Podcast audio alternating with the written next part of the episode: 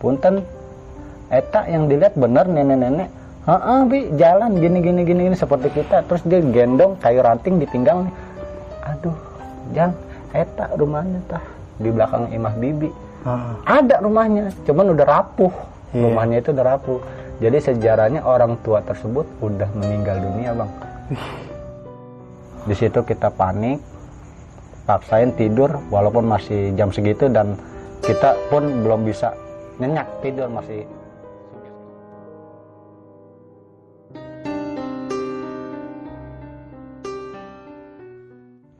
Assalamualaikum warahmatullahi wabarakatuh. Balik lagi dengan gue Indra. Di besok pagi Sebelumnya gue sangat berterima kasih banget Buat teman-teman semua yang sudah mensupport Menonton, mendengarkan besok pagi sampai saat ini. Semoga teman-teman semua selalu diberikan kesehatan oleh Tuhan Yang Maha Esa. Di kesempatan kali ini gue masih mendatangkan narasumber Dan yang pasti narasumber gue udah gak asing nih Buat teman-teman semua yang sering nonton besok pagi. Kita langsung aja sapa narasumber gue kali ini. Halo Bang Ancil. Ya bang Aman Bang, sehat ya? baik alhamdulillah bang. Alhamdulillah baik. Nah, kali ini mungkin teman-teman eh, udah nggak bertanya-tanya lagi Bang Acil mau menceritakan apa sih? Nah, yang pastinya Bang Acil masih menceritakan hal-hal yang mistis Bang ya. siap bang Nah, saat itu lo mengalami kejadian yang dikatakan gaib waktu di mana tuh Bang? Kali ini gue akan bercerita soal pengalaman masa lalu gue di tebing alam bang. Tebing alam. Iya, Bang. Itu di daerah mana tuh Bang? Eh, kisaran di daerah Jawa Barat bang. Di daerah Jawa Barat.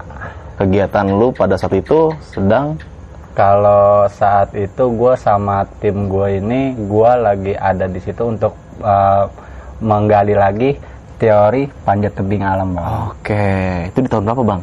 Itu kisaran tahun 2000 sampai 2003 kalau nggak salah kisaran segitulah bang. Dan yang pastinya ada hal gaib di situnya Bang ya.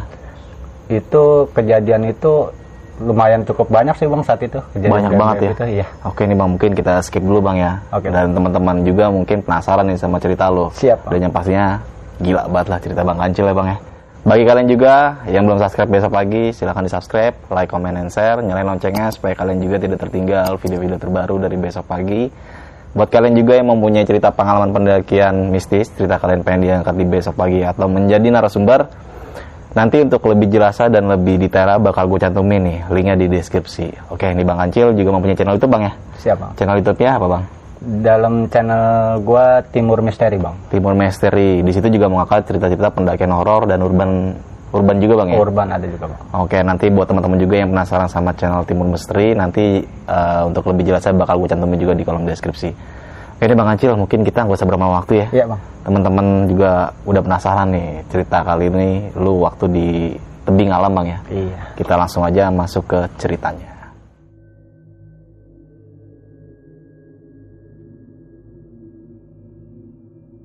Di sini gua akan cerita kembali lagi bang eh, tentang perjalanan gua dalam tebing alam bang.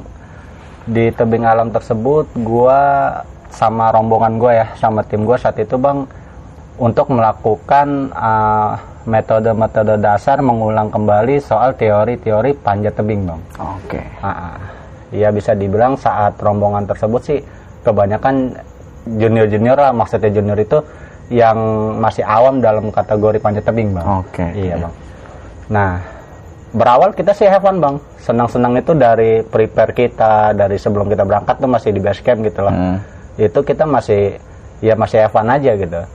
Cuman kejanggalan kita dapat pas kita di lokasi saat itu bang ketika kita nyampe di lokasi memang uh, nggak ba- apa nggak bakalan mungkin lah kalau kita sampai tembus ke tebing alam tersebut itu dengan kendaraan bang Oke. saat itu kendaraan kita semua tuh sama tim kendaraan bermotor bang roda Hmm, dua hmm. karena jalur di sana cukup parah sih bang buat gua karena jalur di sana tuh jalanannya semua bebatuan bang Hancur lah Bang ya. Iya bisa dibilang batu-batu kapur gitu bang, Heeh. urukan-urukan gitu. Apalagi kalau musim hujan itu parah buat gua. Jadi nggak bisa dilalui sama kendaraan. Pas begitu kita nyampe di lokasi, kebanyakan pendaki eh apa panjat tebing panjat tebing di sana nih, yang pada mau manjat di tebing tersebut itu pada naruh motor, nitip motor di rumah warga sekitar yang dekat di Oke. situ bang. Oh. Jadi nitip motor di situ, bayar berapa, terus kalian kalau kita nanti bakalan nginep di dalam hutan tebing itu, kita bisa ngasih uang berapa biar nanti dimasakin kita nyampe ke situ untuk arah pulang tapi kita makan dulu bang Oke. Nah, ah. jadi udah shelter lah di Ah. gitu di situ kita taruh motor di situ nah kita berangkat tuh makin ke dalam bang dengan cara kita tuh sistem kita jalan kaki. Iya. nah itu kita rombongan jalan kaki bang sembari bawa alat-alat kita kebetulan pengen ngecamp saat itu bang. Jadi kita bawa alat-alat tenda terus alat-alat masak gitu bang segala macam. Kita bawa perbekalan juga dikit banyaknya lah kurang lebih gitu kan. Nah sampainya kita di dalam hutan tebing alam tersebut bang itu cukup jauh dari rumah pemukiman rumah warga lah bisa dibilang. Dia udah mak- udah jalan jauh terus kita masuk ke dalam hutan lagi baru ketemu tebing alam tersebut bang. Nah di tebing alam tersebut sih buat gue sih cukup puas ketika gue sama temen-temen datang ke situ karena uh, mengenang satu mengenang gue pernah ke situ bareng senior senior gue dan kedua tempatnya pun enak gitu bang. Jadi gue nggak usah mungkin kayak teman-teman atau yang gue alamin gue naik gunung gitu kan. Uh, jauh dan berhari-hari gitu kan ini kita cukup jalan 3 sampai 4 jam nyampe di lokasi hutan tersebut bang Mm-mm. Nah itu langsung di di hadapan tebing alam tersebut yang bakalan kita bom lah dalam arti bom tuh kita manfaatin jalurnya gitu bang. Nah sampainya di sana kita semua prepare buat masang tenda sebagian itu kita bagi buat nyari kayu-kayu ranting buat kita jadiin api unggun bang saat itu. Karena kita kan sistem kita niatan kita ke situ pengen ngecamp gitu bang. Jadi kita melakukan metode panjat tebing itu di pagi hari. Mm-mm. karena kita datang udah cukup sore kisaran itu jam 5 mau masuk maghrib lah bang. Nah kita sampai kita prepare kita buka-buka tenda kita tancap pasak segala macam. Nah itu dari tim gue ini ada beberapa tim perempuan bang itu kurang lebih 3 sampai 4 orang lah saat itu yang ikut nah yang dua ini dia sendiri yang nawarin diri ke kita kita orang bang gue berdua yang cewek nih bang. Gue lebih dalam lagi ya nyari ranting. Siap atur aja gitu kan. Karena waktu itu masih sore gitu bang. Jadi masih inilah masih kelihatan jalur lah gitu. Cuman dia pun kagak jauh kok jaraknya dari kita yang pada masang tenda gitu lagi pada siap-siap gitu kan untuk malam hari gitu kan untuk nyambut malam hari tersebut. Nah ketika tenda baru kita ngedirin tuh kurang lebih 2 sampai 3 tenda bang saat itu. Itu tenda kelar nyalain kompor gitu kan kompor gunung yang kecil. Terus kita keluarin nesting alat masak air segala macam. Sebagian ada masak indomie segala macam. Terus kita gitaran di situ bang. Kita lagi saat kita lagi senang-senang lagi nyanyi satu dua lagu sontak tuh temen yang dua ini keluar dari dalam hutan bang. Walaupun nggak jauh jaraknya dari kita gitu cuman dia dengan tergesa-gesa tuh dengan gimmick muka yang takut gitu panik lah bukan takut ya panik bisa dibilang. Dia langsung ngampirin kita semua bang di depan tenda. Dia bilang bang gue ngeliat barengan sama gue ada orang tua sosok nenek-nenek mungutin ranting juga. Oh, barengan gitu bang? ya? iya. Nah di situ suges pecah bang. Mm-mm. sontak tuh teman-teman tadinya nyanyi senang-senang gitaran taruh gitar pada feelingnya ada apa nih? gitu. Cuman kan emang terkenalnya di tebing alam tersebut ya mohon maaf ya bang ya emang buat misteri itu banyak di situ bang. Cerita apa maksudnya pengalaman pengalaman horor di situ tuh banyak yang di- yang gua simak dari cerita senior senior gua. Yang nampak inilah nampak itu gitu kita keinget ke situ bang. Sontak kita keinget ke situ kita pada parno. Ketika lagi diomongin sosok tersebut orang tua tersebut bang. Seketika dia muncul bang. Orang tua itu bang? iya. Jadi dia dia le- emang itu jalur jalur keluar ke hutan. Ah. dari dalam hutan tuh buat jalur buat keluar jalur gitu. Ah. ke jalan raya lah gitu bisa dibilang. Kita lagi omongin dia dapat omongan dari teman gue yang dua cewek ini yang nyari kayu ranting itu bang. Kita lagi pikirin itu orang tua siapa. Dia lewat bang. Dengan postur badan membungkuk pakai baju kebaya lah gitu kebaya nenek-nenek terus pakai kain. Cuman karena postur badannya udah bungkuk tuh orang tua rambutnya juga putih bang kalau nggak salah saya inget gua. Dia gendong itu pakai emben bang pakai angkin. Gendong ranting-ranting itu bang itu ya? di samping kiri pinggangnya dia itu dia gendong pakai angkin digemblok begini kayak yang bawa jamu cuman dia di Iya. samping. Nah itu dia lewat depan kita bang. Depan tim gua lah gitu di tenda gue itu dia lewat karena itu jalur keluar.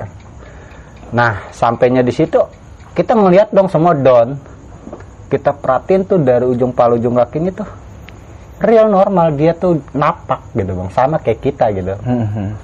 Terus dengan PD-nya senior nyolek kaki gue nih bang. Til, ayolah. Ah, biar teman-teman kagak ada yang inilah nggak panik gitu nggak takut.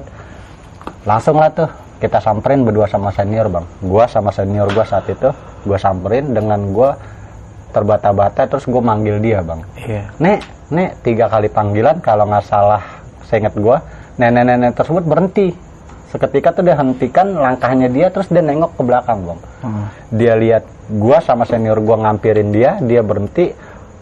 Kayak orang mau tanya jawab sama gua. Iya. tapi pas gua makin dekat sama orang tua tersebut gua sapa orang tua tersebut dia nggak ngejawab apa apa bang.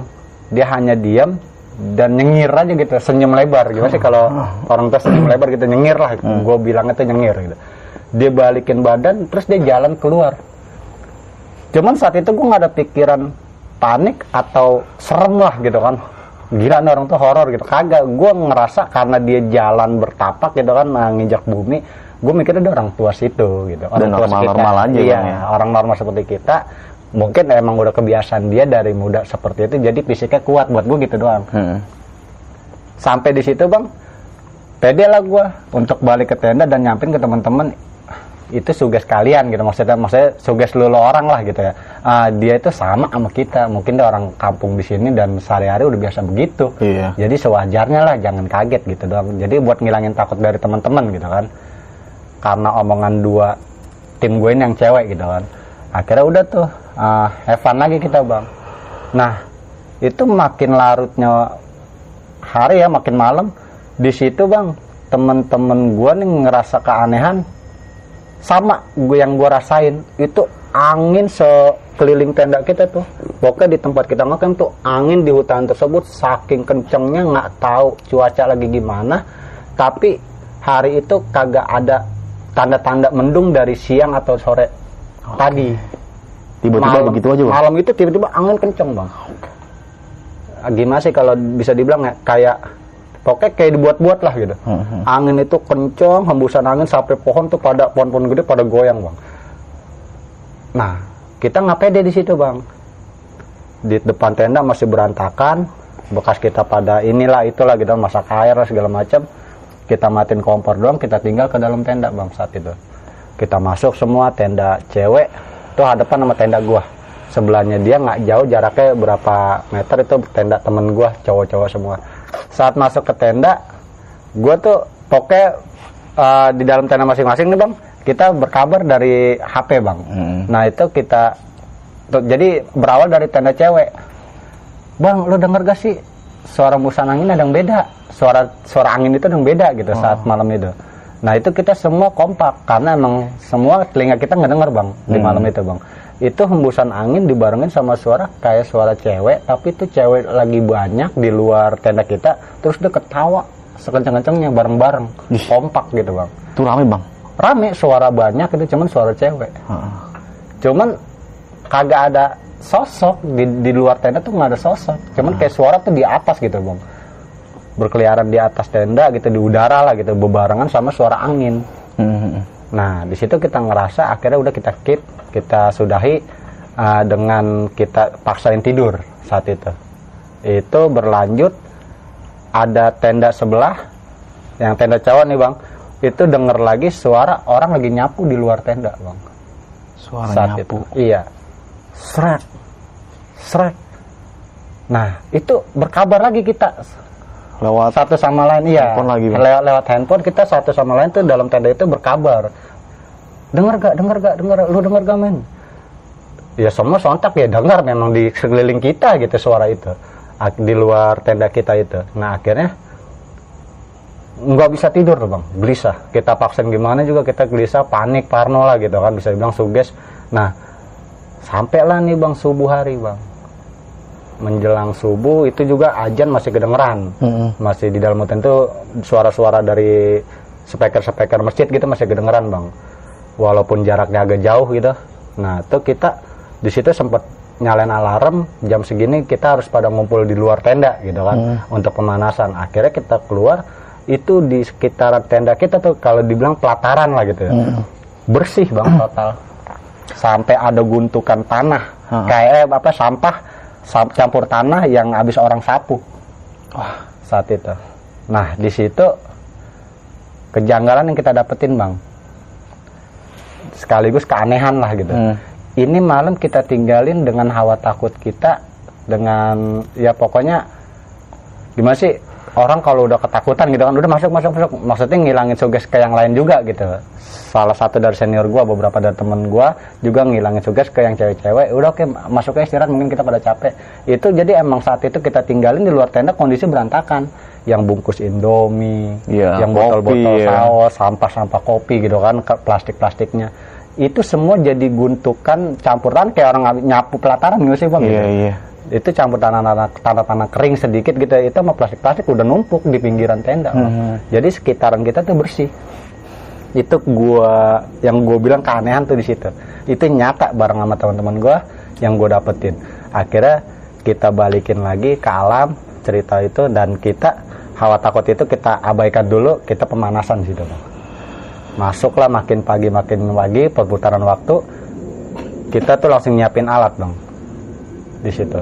Kita ya ada yang sibuk nguarin tali terus ada yang ngerapin harness segala macam bla bla bla bla bla. Alat panjat sepatu panjat juga kita keluarin gitu kan bang. Alat-alat lah gitu kan Hmm. dalam kategori panjat panjat tebing.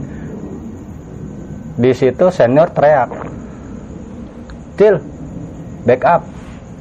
Nah gua belum pede saat itu bang karena pemanasan gua gua ngerasa masih kurang gitu kan. Akhirnya beberapa dari teman ny- udah siap nih kan. Akhirnya ditunjuk sama senior gua udah lu aja. Di backup deh tuh senior gua untuk melakukan awal pemanjatan Mm. biar teman-teman ngebaca jalur senior. Jadi nanti lu yang harus pakai ini jalur senior gitu. Jangan lu keluar jalur dari jalur senior. Nah itu senior naik duluan. Sekalian bikin jalur lah bisa dibilang gitu kan. Rute buat pemanjatan kita kita orang yang masih pada pemula. Nah senior udah ada di kisaran pokoknya udah setengah jalan lah dari tingginya tebing tersebut keanehannya lagi bang dahsyatnya itu sampai bikin cedera senior gua.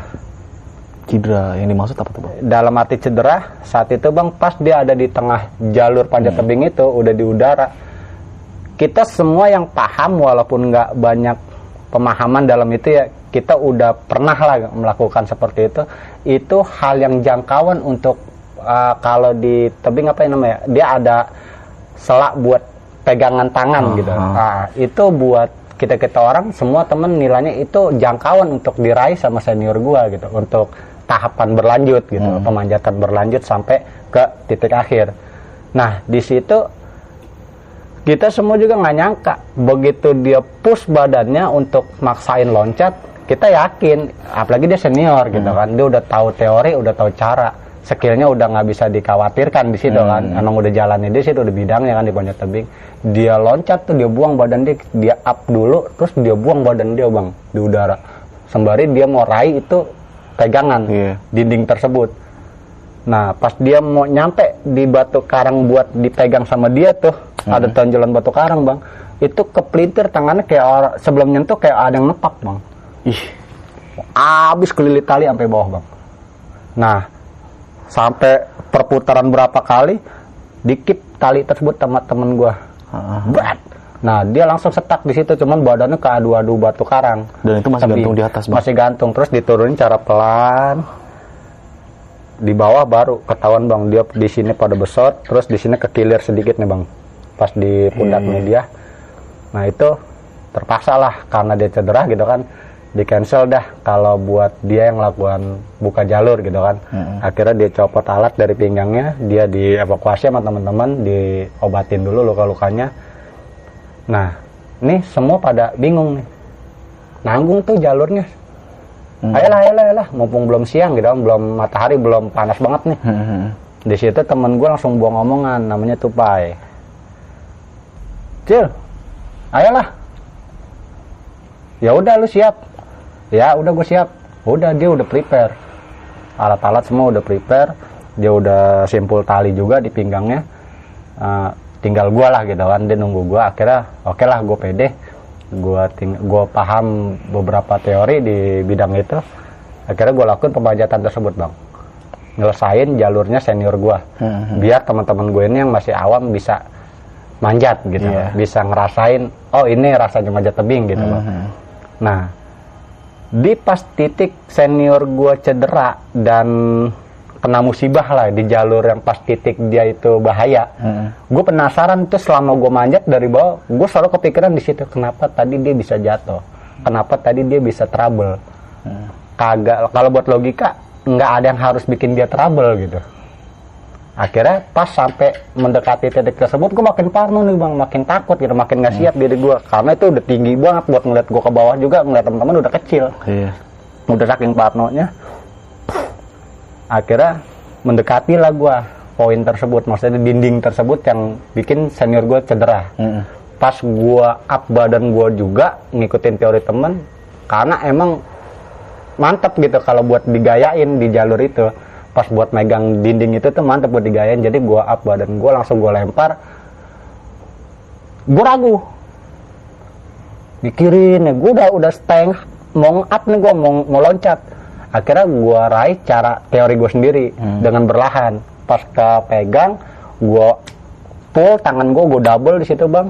Di batu tersebut gue angkat pala gue sedikit. Itu dengan penuh tenaga Bang. pagi itu. Gue angkat ternyata ada bolongan sebesar bisa dibilang di tebing itu ada bolongan segini lah nih kurang lebih ya itu di dalamnya tuh ada ular derik bang Ih. ada ular derik kisaran 2 sampai 3 ekor kemungkinan atau dua ekor di dalam lubang tersebut. Cuman itu palanya madep ke dalam. Untung gak keluar bang ya. Ha-ha, cuman pas gua lagi begitu dia sempat gerak bang. Jadi salah satu dari ular itu palanya udah keluar. Aduh. Akhirnya gua turun pelan-pelan nih dari apan gue itu tangan gue gopul, gue turun pala gue pelan-pelan, tuh gue lepas badan gue gue buang ke udara. Temen gue situ pak itu yang ngebilai gue udah siap dia udah ready. Jadi dia udah tahu gitu. Gue suka ngagetin dia emang kalau udah di ketinggian gitu, Hmm. suka buang diri lah gitu ke udara. Karena kan tali masih nyangkut, keamanan masih stabil gitu kan. Itu gue buang badan gue bang. Temen gue udah tahu karena gue suka iseng gitu di Iya. di saat udah di ketinggian, gue suka jahil gitu ngagetin yang bilai. Akhirnya temen gue udah siap, itu jarak dari dia diri itu lagi megang keamanan gue, tali gue, stabilin tali gue, itu gue jaraknya hampir semukanya dia itu badan gue, dekat sama tanah lah gitu bisa dibilang. Itu langsung di pull sama dia, berat. Itu membualkan tali gue elastis, turunin pelan-pelan sama dia. Lu kenapa? Belum sampai di titik akhir udah turun lagi pas di rest senior jomplang kata teman gue. Gue lepas alat, terus gue suruh pada break dulu.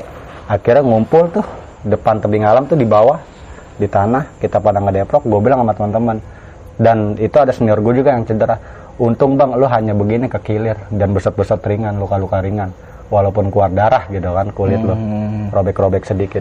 Gue jelasin, kalau tadi lu sampai nerusin dan lu berhasil, mungkin nyawa taruhan nama kenapa di atas ada ular, ada rumahnya dia gitu kan. Sarangnya lah bang. Iya, karena itu tebing itu kan eh, bisa dibilang tebing alam itu kan banyak air gitu kan, ada genang-genangan air kayak bekas Ah. air hujan atau embun dan banyak lumut-lumutnya juga, Bang.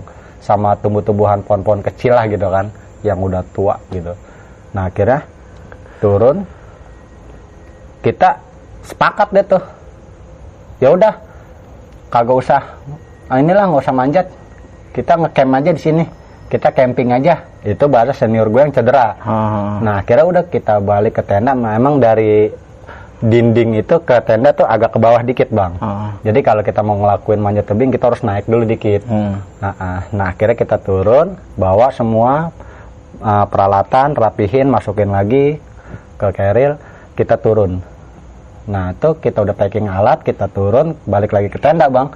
Itu udah mau masuk jam makan siang. Hmm. Bla bla bla bla bla bla bla kita senang senang senang senang senang senang canda tawa di situ juga riang. Masuklah malam lagi. Sebe- sebelum malam sih kita dapetin sore, Bang.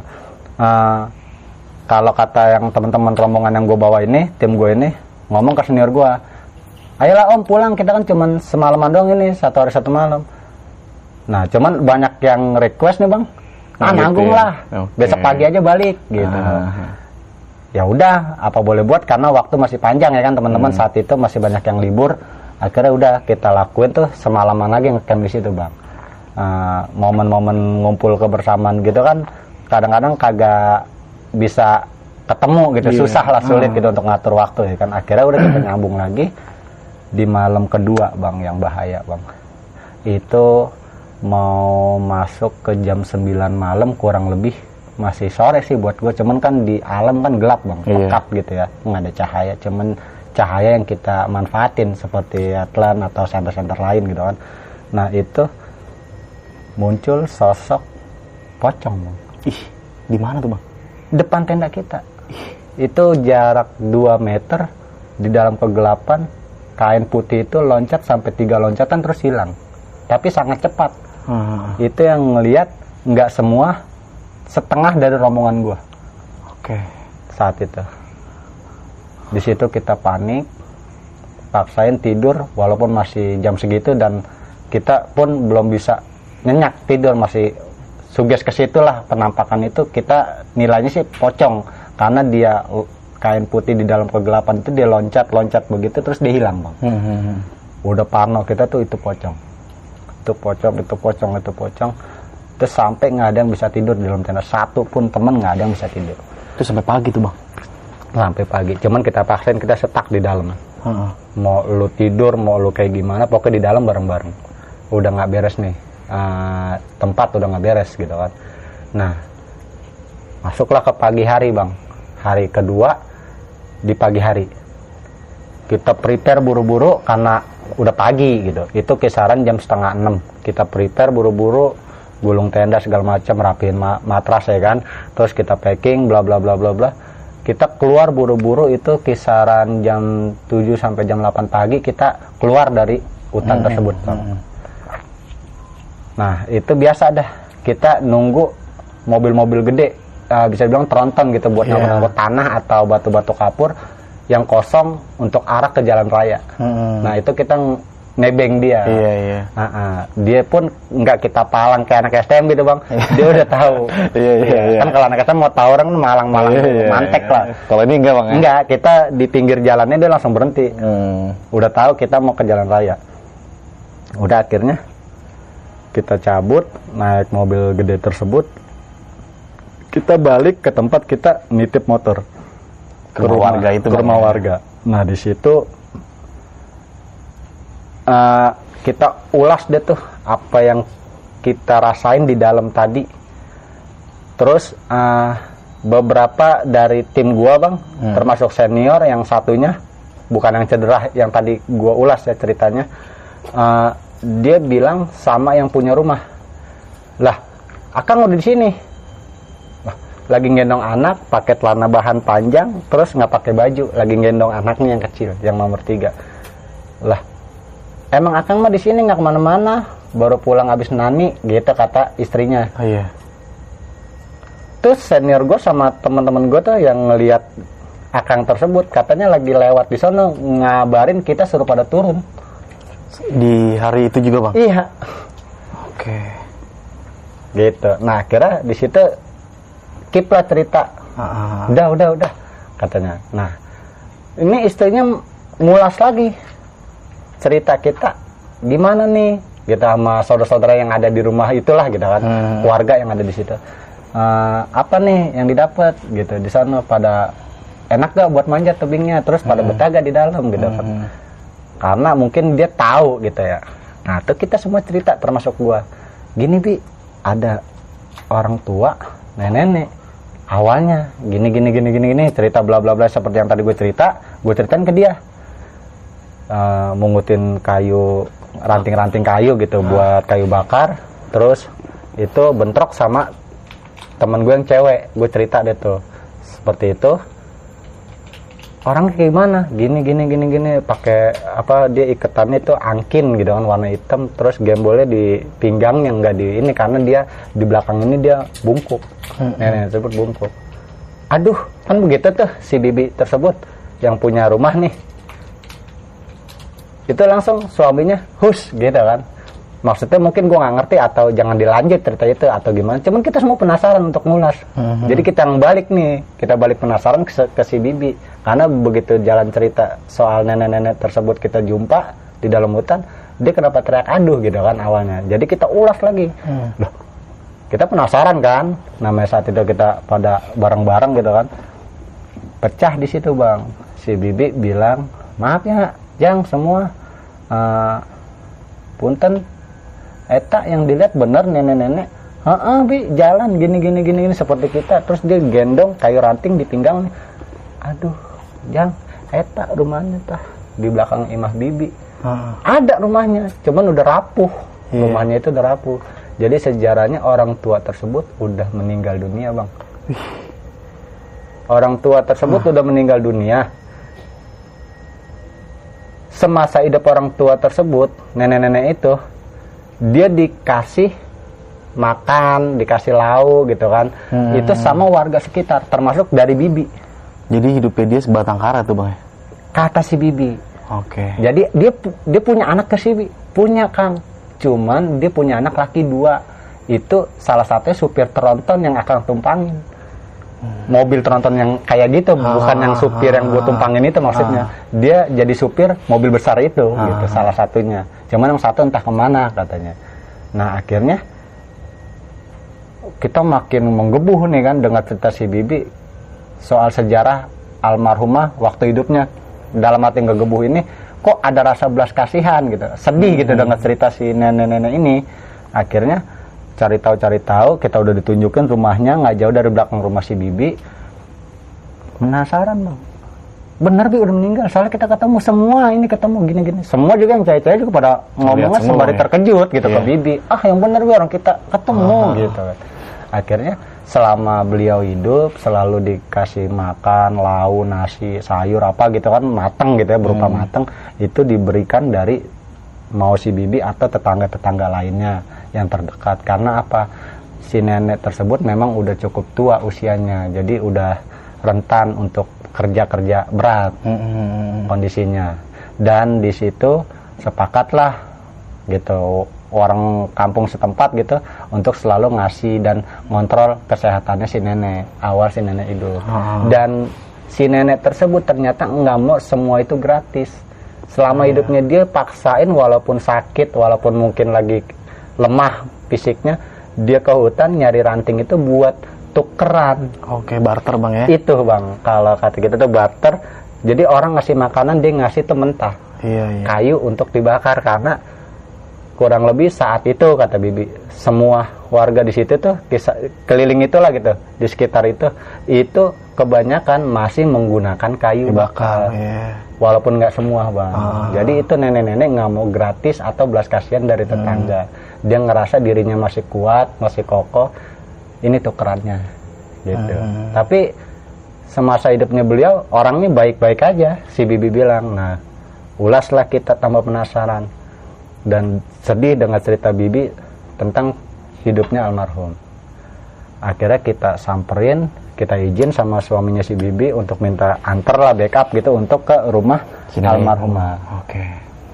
nah di- sampailah di rumah almarhum kita bang kita buka pintunya memang nggak kunci pintu kayu bang Iya. pintu kayu tipis lah udah rapuh mungkin bisa dibilang kalau kita gedor juga jebol pintunya itu kita buka dengan cara kita angkat begitu karena dia udah peret sama tanah lantainya tanah bang Gampang juga bang. ya? iya lantainya tanah Nah. Kamar mandi di dalam apa di luar bang? nggak ngerti deh jadi kita masuk tuh emang udah kondisi rumah tua terus berantakan bang Iya, iya. karena nggak ada penghuni gitu gimana Ah. sih terus atap-atap juga udah banyak yang bolong kita ngelihat kondisi rumah tersebut ngebayangin almarhumah tuh masih ada di situ bang itu Oke. semua satu tim kita nangis Terbawa suasana sedih bang ya? sedih saat perjalanan dia hidup dengan cerita dari si bibi Iya iya. oh ini kondisi beliau waktu hidupnya akhirnya kita usul lagi senior berkata ke ngerangkul si mamang nih suaminya si bibi di rumah nenek tersebut untuk nunjukin di mana makamnya dan kita berziarah di situ bang Oke.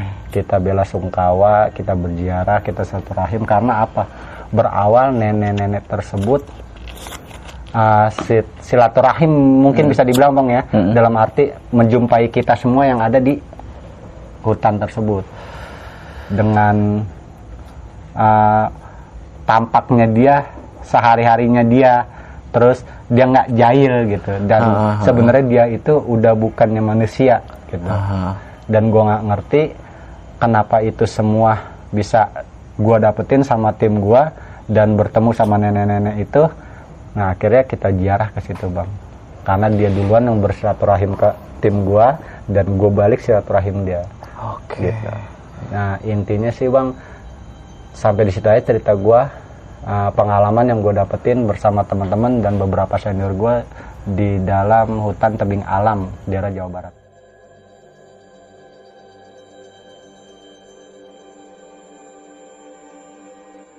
Oke nih Bang Kancil, terima kasih banget nih ya mau berbagi cerita lagi di besok pagi. Iya, Bang. Dan cerita lu kali ini banyak banget nih Bang pelajaran yang kita bisa ambil nih Bang ya. Oke, Bang. Pertama kayak tim lu itu uh, menemukan sosok nenek-nenek yang sudah meninggal sampai akhirnya lu berziarah juga tuh Bang ya iya bang ke makam almarhum nenek itu.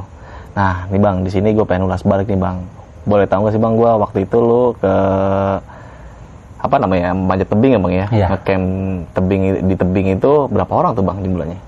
Itu gua saat di lokasi tiga tenda satu tenda cowok itu empat orang. Ada dua tenda berarti delapan orang kurang lebih. Dan di tenda cewek itu kisaran 3 sampai empat lah kalau nggak salah. Soalnya seingat gue cewek itu tiga kalau nggak salah. Seingat gua tiga atau empat lah gitu. Itu dalam tenda cewek. Dan itu junior-junior lu juga tuh Bang? iya Oke. soalnya saat itu cewek-cewek ini masih pada SMA kelas 2 bang. 2002. Iya kurang lebih Wah sekarang udah pada punya anak kali Bang ya? iya emang udah udah ada yang punya anak tiga Bang. Waduh. Mungkin yang nonton salam-salam Bang buat teman-teman ya Bang ya. iya bang Nah, Bang Ancil kita lanjut lagi nih Bang.